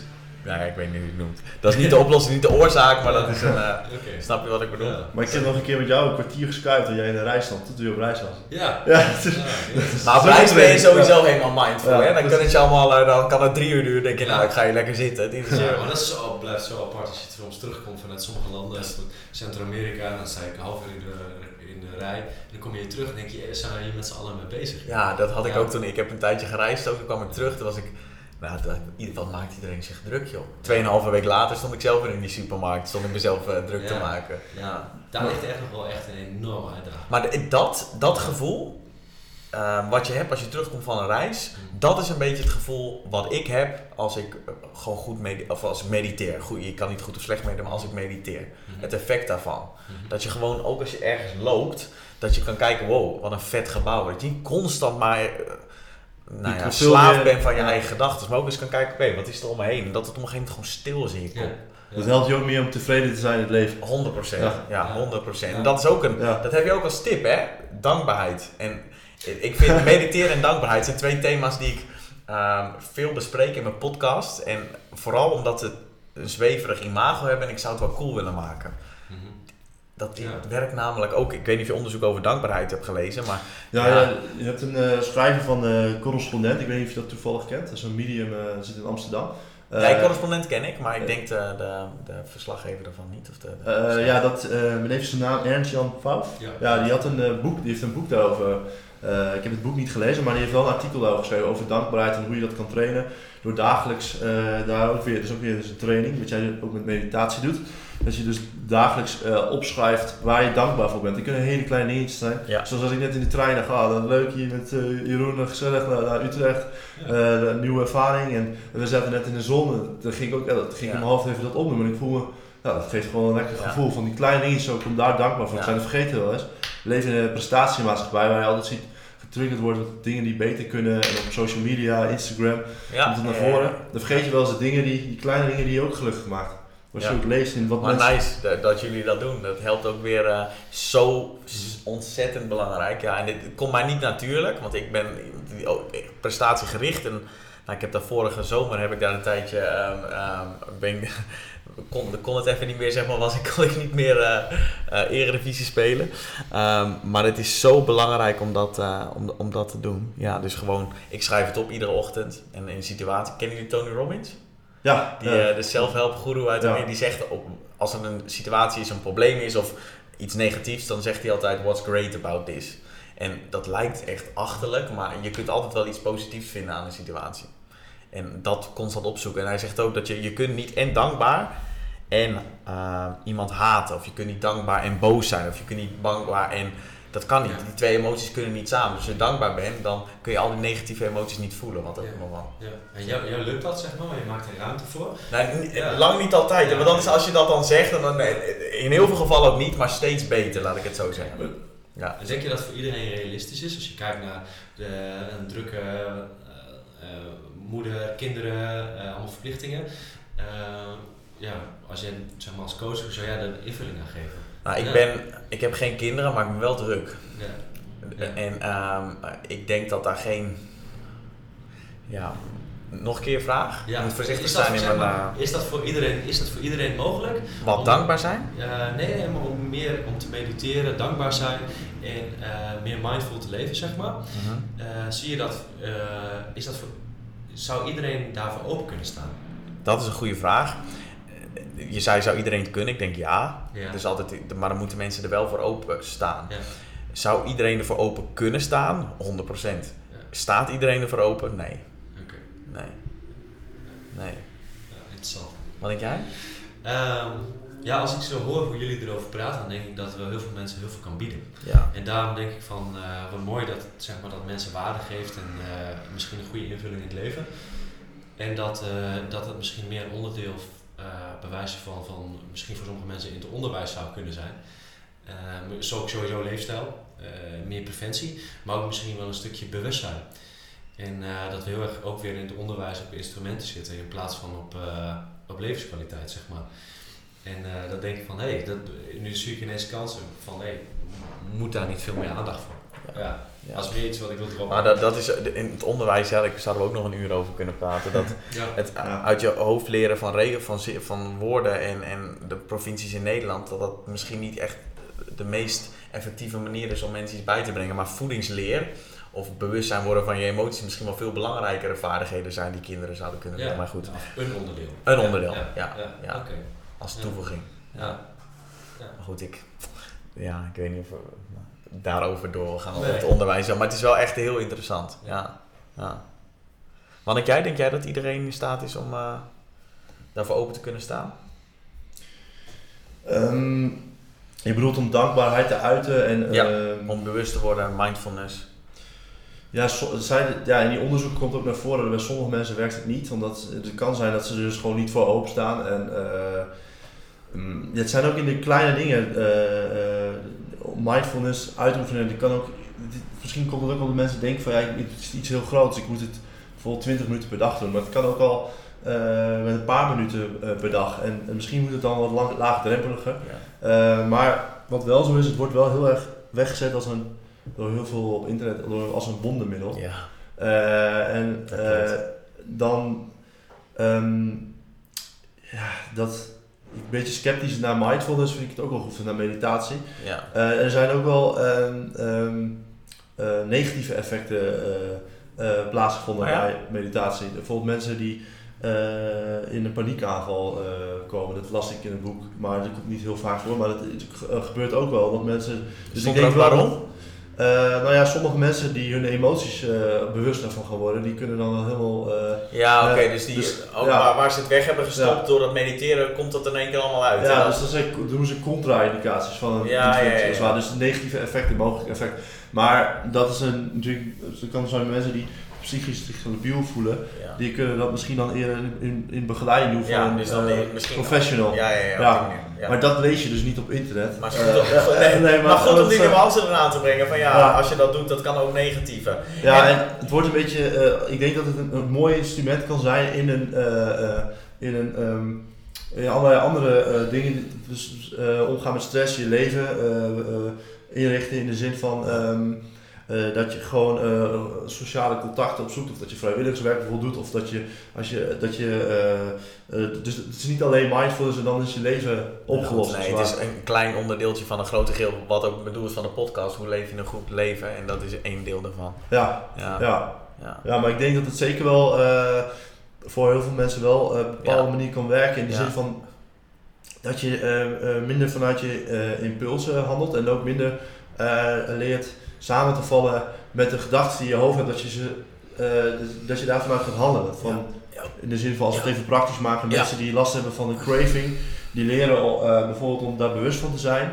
Oh, ik heb nu die gedachte, ik heb één koekje gehad, ik heb het nu toch al verpest. Dan denk je, oh, dat is maar een gedachte, ik laat het. En dan kunnen ze, wat jij ook zei, uh, door die mindfulness, leren komt niet gelijk vanuit mijn emoties te handelen. Want soms is het lastig als je van iemand die boos wordt, die die, die kan dan in één seconde kan je wijs. Ja, een, ja en ook als iemand even faalt, dat je dan denkt, ja zie je wel, ik kan het niet. Ja. En als, wat mij heel veel oplevert, is dat ik tegen mezelf kan zeggen van oké, dat ik zeg ik kan het niet, is dat waar? En als dat waar is, waarom is dat waar? En heel vaak kom ik erachter, nee, dat is niet waar. Dat is alleen hoe ik het voel nu. En, dan ben je al snel staat, oké, okay, kan het ook anders? En nou, dat is een, uh, het brengt mij heel veel. En inderdaad, het wordt als iets een wondermiddel. En het heeft maar, ik doe het al vijf jaar iedere dag. Dus, en het heeft echt lang geduurd voordat ik echt effect. Ik denk dat het laatste jaar pas dat ik uh, echt effect merk. Dus ja, dat is ook weer. Je, nou, met alles, als je fit wil worden, duurt lang. Mm. Als je mediteert om, om daar echt effect van te hebben, dat met alles wat de moeite waard is, toch? Dat is een proces en dat duurt, gewoon, uh, duurt gewoon lang. Ja. Wat is um, het boek dat jullie het meeste aangeraden hebben? Uh, goeie vraag. Ja, ik, ik ben zelf niet zo hele grote boeken lezen, dus ik speel meest even door naar jou. ja. Goeie. Um, Ja, ik lees eigenlijk verschillende boeken. Uh, als het op leefstijl uh, uh, gericht. bijvoorbeeld voor professionals had ik een, heb ik het boek Positieve Leefstijlcoaching gelezen. Het gaat de nieuwste inzichten over hoe je bijvoorbeeld mensen kan coachen en de gedragsmethodieken erachter. Dat vond ik wel heel interessant. Um, ja, qua. Um, ja, ik lees wel verschillende boeken, maar echt het beste boek, dat vind ik wel lastig. Bent, wat je me vertelde, was je laatst met een heel interessant boek bezig van de jongen die jij begeleidt. Uh, oh ja, maar dat is een, uh, een roman. Ja, ja, dat is ook. Uh, inspirerend. Ja, zeker, dat is heel inspirerend. Dat, dat boek heet Mijn strijd tegen de IS. Want ik begeleid een jongen met taalcoaching. die, die komt uit Irak.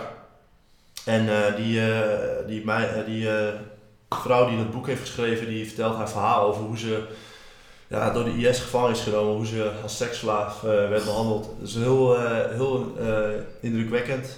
En is ze dus uiteindelijk ontsnapt. Ja, ik ben nu bijna bij het einde. nog niet helemaal uit. Maar het is heel, heel. Spoiler. Ja. ja. Ja, ik geef nu wel een spoiler weg. Ja. Maar ja, dat is ook wel logisch als ze het boek niet kunnen schrijven. Dus ja. ja, of je, ik denk niet dat de IS dat toestaat. ja. Ja.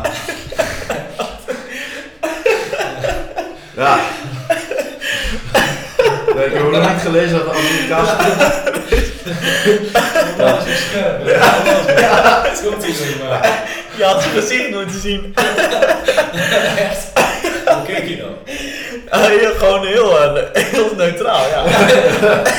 ja, nee, maar, nee, maar zo heel indrukwekkend. Dus, ja. Ja, dat, ja, dat is een roman dat ik aan het lezen ben. Of ja, roman. Het is waarheid gebaseerd. Ja. Dus. Autobiografie bijna. Ja. En, um, Vooral omdat je kan koppelen, denk ik. Ja. Ja. Ja. Ja, ja, die jongen die, die ik begeleid, die, had, die vertelde ook zijn verhaal, wat hij allemaal had meegemaakt en over hoe hij met tegenslagen omging. En, uh, ja, dat is zelfs een extreme situatie. Uh, want jij hebt ook nog een thema uit de tegenslag en uh, dat past ook bij coaching. Dat, hoe je vertelde dat hij dan nog een situatie relateert. Ja, er zijn nog mensen die het nog uh, weten of slechter dan mij hebben, of ik zie nog lichtpuntjes in mijn leven en uh, ik kan hier in Europa een studie doen. En, dat is heel, uh, heel inspirerend. Heel, ja, het, ja, het laat je ook even op een andere relativeren, op een andere ja. manier ja. ja, dat is sowieso belangrijk, hè? het verkiezen van het juiste perspectief. Dat. Ja. Ja. Ja. dus dat boek dat heet Mijn strijd tegen de IS. Okay. het is, dat is een heel indrukwekkend boek. Ja. Ja. En ja, ik denk. Uh, Jij ja. luistert heel veel podcasts. Hè? Ja, ik, ik ben. Uh, nou, misschien een tip voor een uh, podcast. Um, nou, weet je, het, wat, wat wij doen is we werken voornamelijk online, zeg maar. Dus we zijn heel veel aan het lezen, schrijven, literatuur en zo. Ja. Dus ik lees wel veel vakliteratuur. En uh, misschien is dat wel leuk voor de mensen die echt in training geïnteresseerd zijn. Is, wat ik volg is Mass Research Review van Greg Knuckles onder andere, Stronger by Science. Is echt wel interessant als je echt veel over training uh, wil weten. Okay. Kan ik echt aanraden, dus ik wil die link nog delen. Ja, natuurlijk. Zet het in de show notes. Ja, is echt een aanrader. Ik vind het echt leuk dat mensen zo'n zo inzicht geven. Um, nou, daarnaast de afgelopen tijd ook uh, veel van de correspondenten gelezen, een leuk stukje verdieping zeg maar. Dus ik zoek het vooral op online media. Uh, medium.com uh, ja, vind mooi ik het zelf leuk om te delen. Brede onderwerpen en ik vind de, de, website zelf heel sterk. Ja. Um, ja, en de podcast vind ik nou, leuk om die van jouw kennis te maken, zeg maar. Om daar professionals, om ook mensen met levensverhalen en ook hoe ze zich openstellen. Vind ik ontzettend mooi om te luisteren. Dus dat zou ik mensen echt aanraden om Thanks, meer te gaan luisteren. Mooi. En ik vind in Nederland hebben we het echt ook wel een onderscheidend kanaal. Dus BNR heeft heel veel goede podcasts. En ik vind het zelf wel prettig om op de fiets, fiets te zitten en een podcastje te luisteren. of als ik bezig ben met huishouden. om even lekker te luisteren naar iets Ja. over totaal iets anders, de wereldpolitiek. ja, BNR heeft echt een heel, heel veel interessante onderwerpen. En, en dat, dat, ja, via, via Spotify werkt het echt supergoed. Ja. Het is ook de enige manier van eh, content consumeren die je passief kan doen. Hè? Dus je kunt podcast luisteren en fietsen, podcast Ja. luisteren. En dat kan met lezen en met ehm, eh, video's kijken, kan dat niet, beeld kun je Ja. niet. eh. Ja, met huishouden, dat is veel meer motivatie niet voor. Omdat ik nu ook zo'n podcast Ja, de kamer is helemaal schoon. En dan ik gewoon naar... eh, ik, heb, ik ging laatst ook de tijd toen eh, had ik last van mijn knie. Ik kon niet buiten hardlopen. Toen ging ik op de fiets fietsen. Maar ik luisterde gewoon een podcast. Dus er was half uur zo voorbij. Ja, Dus, ja ik, eh, ik vergeet de tijd altijd Ja, als ik ja. zo'n ding aan het luisteren Ik, ben. ik ben wel benieuwd, omdat jij zeg maar, zelf pod- een podcast maakt. Welke podcast zou je zelf maken? ja. Ehm, ja, ik luister eigenlijk alleen maar. In Nederland vind ik de Project Leven show vind ik tof van Peter Joosten. Ehm, die luister ik dan nog wel eens, de rest alleen maar Amerikaans. Ik heb er eigenlijk vier die ik luister. Tim Ferriss eh, show. T- ik vind dat echt een eh, wereldgozer. Om de experimenten die hij uitvoert, maar ook zijn manier van interviewen. En hij weet altijd een diepere laag wat te vinden. The School of Greatness. Ehm, dat is van een, eh, een ondernemer uit Amerika die interviewt ook naar de grootte der aarde. Ook gewoon hoe je je leven kan verbeteren. Impact Theory. van de oprichter van ehm, Quest. Die Questbars, die eiwitrepen. Tom Bilyeu. Is vooral mindset-achtige dingen. Dus eigenlijk waar we het heel veel over gehad hebben. Ehm Kun je die En de- delen straks? ja, zeker. Ik zet het in de show notes, zeker. Top. Ja. En de Gary V Audio Experience. Ken je Gary Vaynerchuk? Die, eh, die internetondernemer. Nou, dat is, nou ja, die, ik vind vooral zijn stijl. Dus heel veel fucking en heel veel gescheld. Dus heel veel bravoure en daar, daar, Ja. daar, ben ik wel gevoelig voor. Dus vind ik heel lekker om veel business, eh Ja. business advies. Dus die vier eh, luister ik eigenlijk aan. En wat voor boeken lees je? Wat voor boeken raad je aan? Even de podcast over. ja, ja, dat is leuk. Dat is nieuwsgierig. Ja, Ja. ja. ik vind het leuk om, eh, mijn, lij- mijn lijst wordt wel weer langer, maar... nou, ik, kan, ik kan je mijn lijst kan ik je sturen. Ehm, op welk gebied? Ja, als wij nu straks naar de boekenwinkel moeten gaan, Ja. welke boek moeten we sowieso Ja, ik zou er drie, eh, die komen in me op. Eh, De Growth Mindset, ik weet niet of je daar al eens van Ja. gehoord hebt. Ja, Dat, eh, ik denk dat alles daarbij begint. Als je iets wil bereiken in het leven, dan is het goed om een growth mindset te hebben. Als je dat niet hebt, dan ben je echt gezien. En ik had, als ik kijk, echt een fixed mindset. Dingen gingen maar, kwamen allemaal, gingen wel makkelijk vroeger, zeg maar, op school en met sport. En ik kwam er tegen, als iets moeilijk werd, dan gaf ik al snel op. Nou, dat is dus zo fixed als maar zijn kan. Growth Mindset boek 1. Het tweede is de zeven eigenschappen van effectief leiderschap. Oh ja. Of je die ooit Ja. gelezen hebben. Meer algemeen hoe het leven, het go- goed leiden van een leven. Dat is de tweede. En de derde, Crucial Conversations. Dat is eigenlijk in lijn met de, het mindfulness gedeelte. Dus niet vanuit je emotie reageren, eh, maar vanuit ehm, de rust. En hoe doe je dat dan? En daar heb ik heel veel aan gehad. Crucial Conversations. Twee ex-mariniers of drie ex-mariniers die op een gegeven moment het bedrijfsleven zijn ingegaan. En die daar heel veel eh, over geschreven hebben. Onwijs interessant. Dat wel even met mindset te maken. Ja, Ja, ja, dus die drie zou ik eh, iedereen adviseren. Ja, nee, nog zoveel meer. Ja, Maar dat is wel leuk. Die Mindset hebben we ook in ons boek De Fitmethode staan. Ja. Dat is ook een van onze start. ik zag jullie ook wel naar elkaar kijken. Ja. Feest van herkenning. Ja, eh, ja, ja, ja, ja. het is Carol zo Dweck, belangrijk. ja. Carol Dweck, zo belangrijk. Ja, Ja, ja. ja. ja, kan een manier zijn. Ja, absoluut. ja niet heilig, dat Ja. klopt inderdaad. Maar ik denk wel, ehm, als je dat niet hebt, Ja, wordt het een hele lastige. ja. Ja. zeker. Ehm, voordat ik mijn laatste vraag stel, waar kunnen mensen jullie online vinden?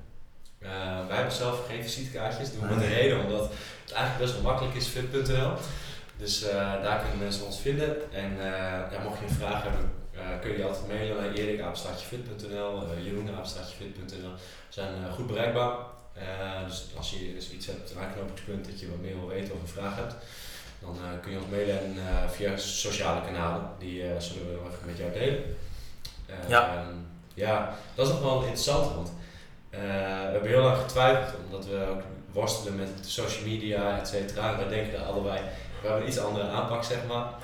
Eh, En waarin verschilt die? ja, ik, ik heb besloten van nee, eh, eh, de, de, de, de uitingen naar buiten, zeg maar, om wel om online zichtbaar te zijn. Dus we gaan op Instagram wat meer naar buiten te communiceren, omdat het ook een onderdeel is van, van de communicatie. Jezelf het laat zien, herkenbaarheid. Ja. Ehm, ik denk dat dat zeg maar, een bedrijf eh, ook kan versterken. Meer personen naar buiten zijn, dan kunnen mensen zich ook daarmee identificeren. Ja. Authentiek. risico's. En eh, ja, we hebben er allebei een andere aan- aanpak in, zeg maar. Dus dat vind ik zelf, eh, ja, ik vind het ook wel leuk. Misschien moet jij daar, uh, waarom jij die, minder. Jij minder. Eh, ja, ik heb zelf geen. eh, ja, ik, heb een, ik had een tijdje Instagram, maar ik heb het niet meer. Eh, misschien ook niet zo heel handig. Ik, heb, eh, ik dacht, ik, ik wil even een week op eh deactiveren. Maar eh, toen bleef hij helemaal. eh, ik kreeg hij nu niet meer voor elkaar. Maar ik heb nog niet de tijd genomen om hem... eh, nee, maar ik zat, ook niet, ik zat ook niet zoveel op Instagram hoor. Maar ja, ik ben, daar, ja, ik ben zelf niet zo van mezelf zo in de spotlight zetten. Ja. Van het fit doen we, doen we dat wel, maar niet persoonlijk. Eh, maar ja, dat is ieder mens natuurlijk verschillend. Ja, Voor bedrijfsvoering is het natuurlijk wel heel handig Ja. om jezelf zo zichtbaar ja. eh, te maken. Ja. Eh, van, Ja, bijvoorbeeld heel veel mensen zitten de hele dag door eh, foto's te maken en die op Instagram zetten. Ja, dat past gewoon niet bij mij. Dat, Nee. maar, maar ja, dat Ik heb er ook, ik stoei daar ook mee. Maar als ik, als ik je nu zo een uurtje heb ehm, horen praten, er zit veel Ik heb je blogs gelezen, er zit veel expertise in dat kopje. Dus nou, naar buiten toe treden ehm, zou voor veel mensen eh, waarde kunnen hebben, laat Oh, ik het zo zeggen. Ja, Ja. dat Ja. meen ik serieus. Ja, meen ik maar dat- serieus. Maar dat is zeg maar wat ik vaak zie, dat eh, ook professionals, laten zeggen wetenschappers, online niet heel erg zichtbaar zijn op social media. Eh, je ziet in Amerika nu een aantal, aantal topvoedings- en bewegingswetenschappers dat ze echt zichtbaar maken. En ik vind dat heel mooi om te zien. Ja. Maar dat ook heel veel professionals dat niet doen. En dat de fit influencers, de social media mensen heel erg zichtbaar zijn. Ja, maar ook niet altijd een heel interessant verhaal hebben, vind ik. En dat, ik zeg maar, daar zijn is vaak doelgroep soms is meer op zoek naar entertainment dan naar echt eh, advies. Ja. En dat is wel een heel lastig En je moet echt die koppeling maken, dat twee. Dat je op een entertainvolle manier mensen toch, Ja. eh, eh, de, dat ze daar denken van, hier heb ik wat aan, het helpt me. Ja, Ja. en dat is wel heel Maar ik heb een beetje, ja, misschien wat meer introverte persoonlijkheid ook. Dus Ja. ja, dan, dan, als je op... eh, Maar daarom is zo- zo'n podcastmedium is, is voor- Ja, ja, dat, Ideaal. ja, ja, ja, klopt. Ja, het- als je, ja, voor sommige mensen is het dan waarschijnlijk dan wat makkelijker, maar het is ook natuurlijk eh, in, je, in je gewoontes weer. Hè? Dus dat je iets gaat posten en als dat meer een gewoonte wordt, dan, ja, dan, heb je het ook weer. Ja. Maar op daar een gezonde manier Ja. mee omgaan. En dat het ook echt dat je de mensen, dat je niet jezelf centraal is, je ego zeg maar, maar meer of, of een bedrijfsvoering of de, de klant zeg maar. Dat is wel een hele moeilijke spagaat. Misschien ik weet niet hoe jij daar zelf mee omgaat. En, ja, Wel- spagaat? balans gaat zeg maar, de, social media gebruiken, de, inzet daarvan.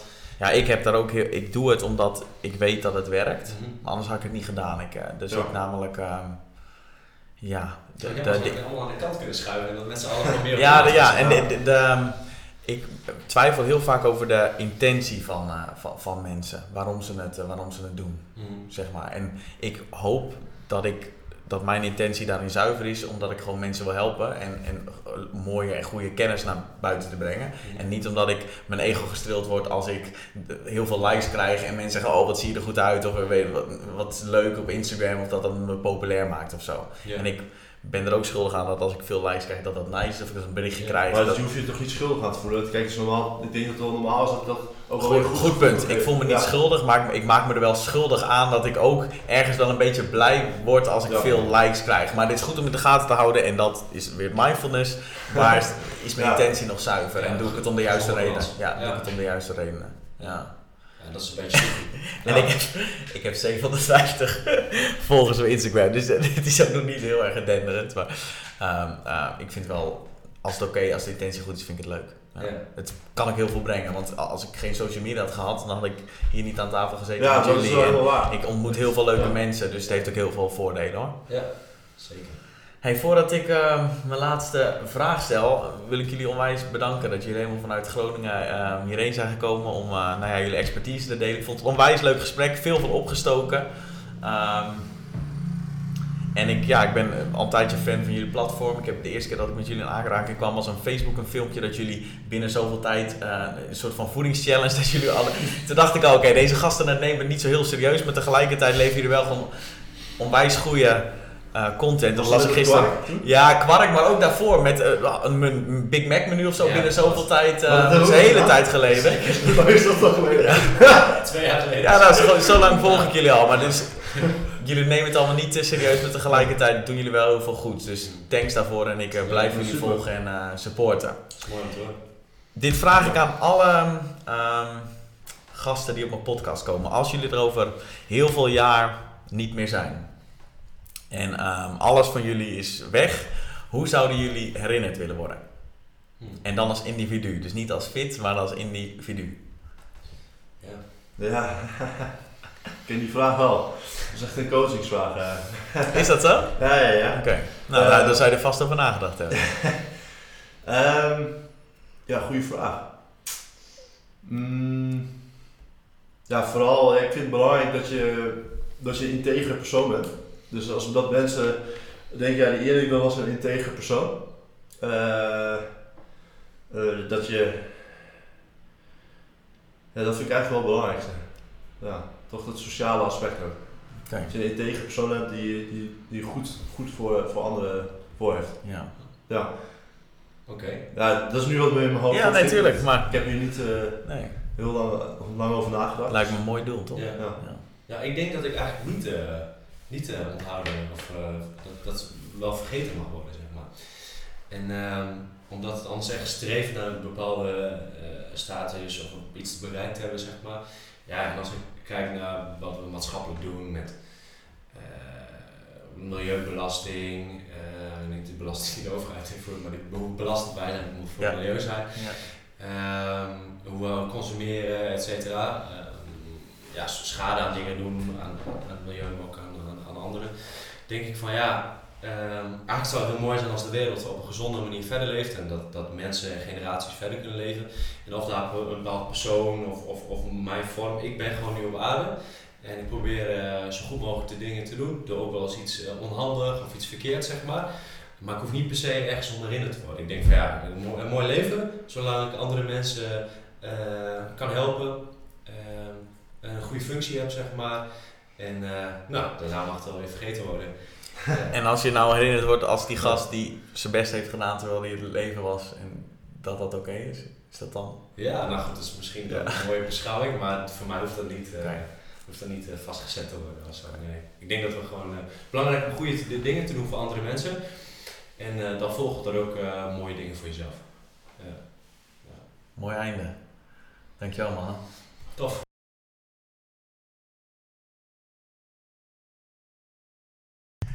Zo, dat eh, was hem weer. Thanks voor het luisteren. En nogmaals, als je de aflevering op een of andere manier waardevol vond, interessant vond of je er iets aan gehad hebt, vergeet je dan niet te abonneren. Tot later.